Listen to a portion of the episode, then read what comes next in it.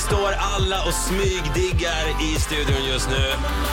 There's no hiding it när man hör Starboy, The Weeknd och Daft Punk. här Så jävla bra låt! Ja, den är så fet. Det är fredag!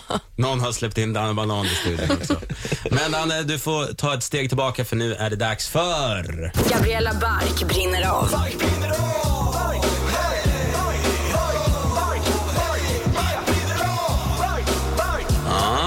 Gabriella. Scenen är din. Tack. Ja, idag så stör vi oss då på en viss typ av kille som är snål. Och jag säger då kille, människa måste jag säga, men jag, nu är jag liksom heterosexuell så att jag träffar bara män. Eh, och då är det så här, jag anser ju då att man som man ska bjuda på första dejten om man går och tar en drink eller går och äter middag. Okej. Och folk bara, Åh, varför då? Man kan ju dela på notan. Men alltså herregud. Då bara, ja, sitter man där, har världens pangkväll. Som brud har man stått i typ, inte sex timmar utan sex dagar. Man har sminkat sig, man har levt ett liv med mensvärk, man har köpt tamponger flera hundratusen, man sexualiseras varje dag, man får mindre lön. Eh, det är ja, men konstant jävla motvind från att man liksom trycks ut ur sin mammas mage.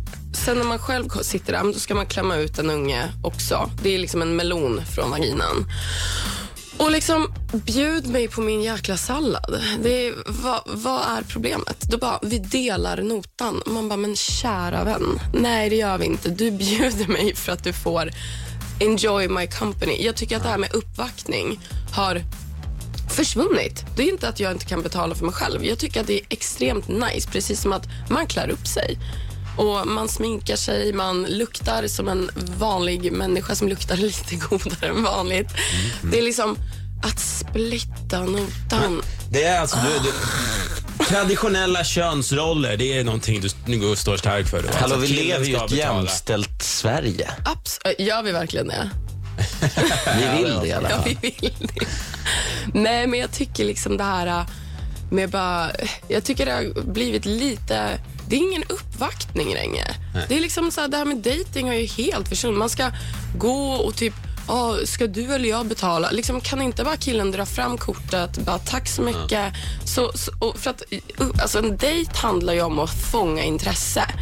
Och folk älskar ju generösa människor.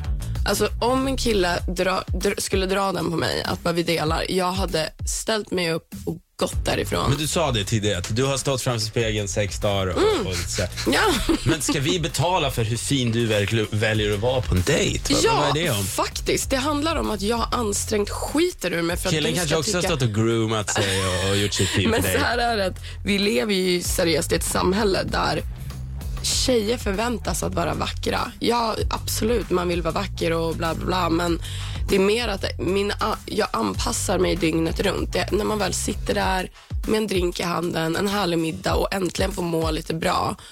Jag känner bara så här, det ska inte vara något problem. Killar där ute, lyssna på mig when I roar. Bjud tjejen på middagen eller drinken. Vill du veta- Sen kan ni splitta. Vill du veta en hemlighet? Ja.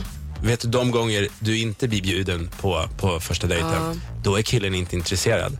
Exakt. För han känner direkt, det här var ingenting jag kommer lägga ner Exakt energi på. så. Därför, äh, kortet Och vad tror du man känner som brud? Man bara, ha okej, nej men han är ju inte intresserad. Så ska du, vill du träffa henne igen, släng fram kortet, dricksa. För det är också ett tecken på att bara, du är en bra människa som bara var lite skön mot typ servitören eller servitrisen. Och bara, ah, tack för ikväll, shit bra kväll. Som tjej bara, åh det där är bra pappamaterial. Power Hit Radio.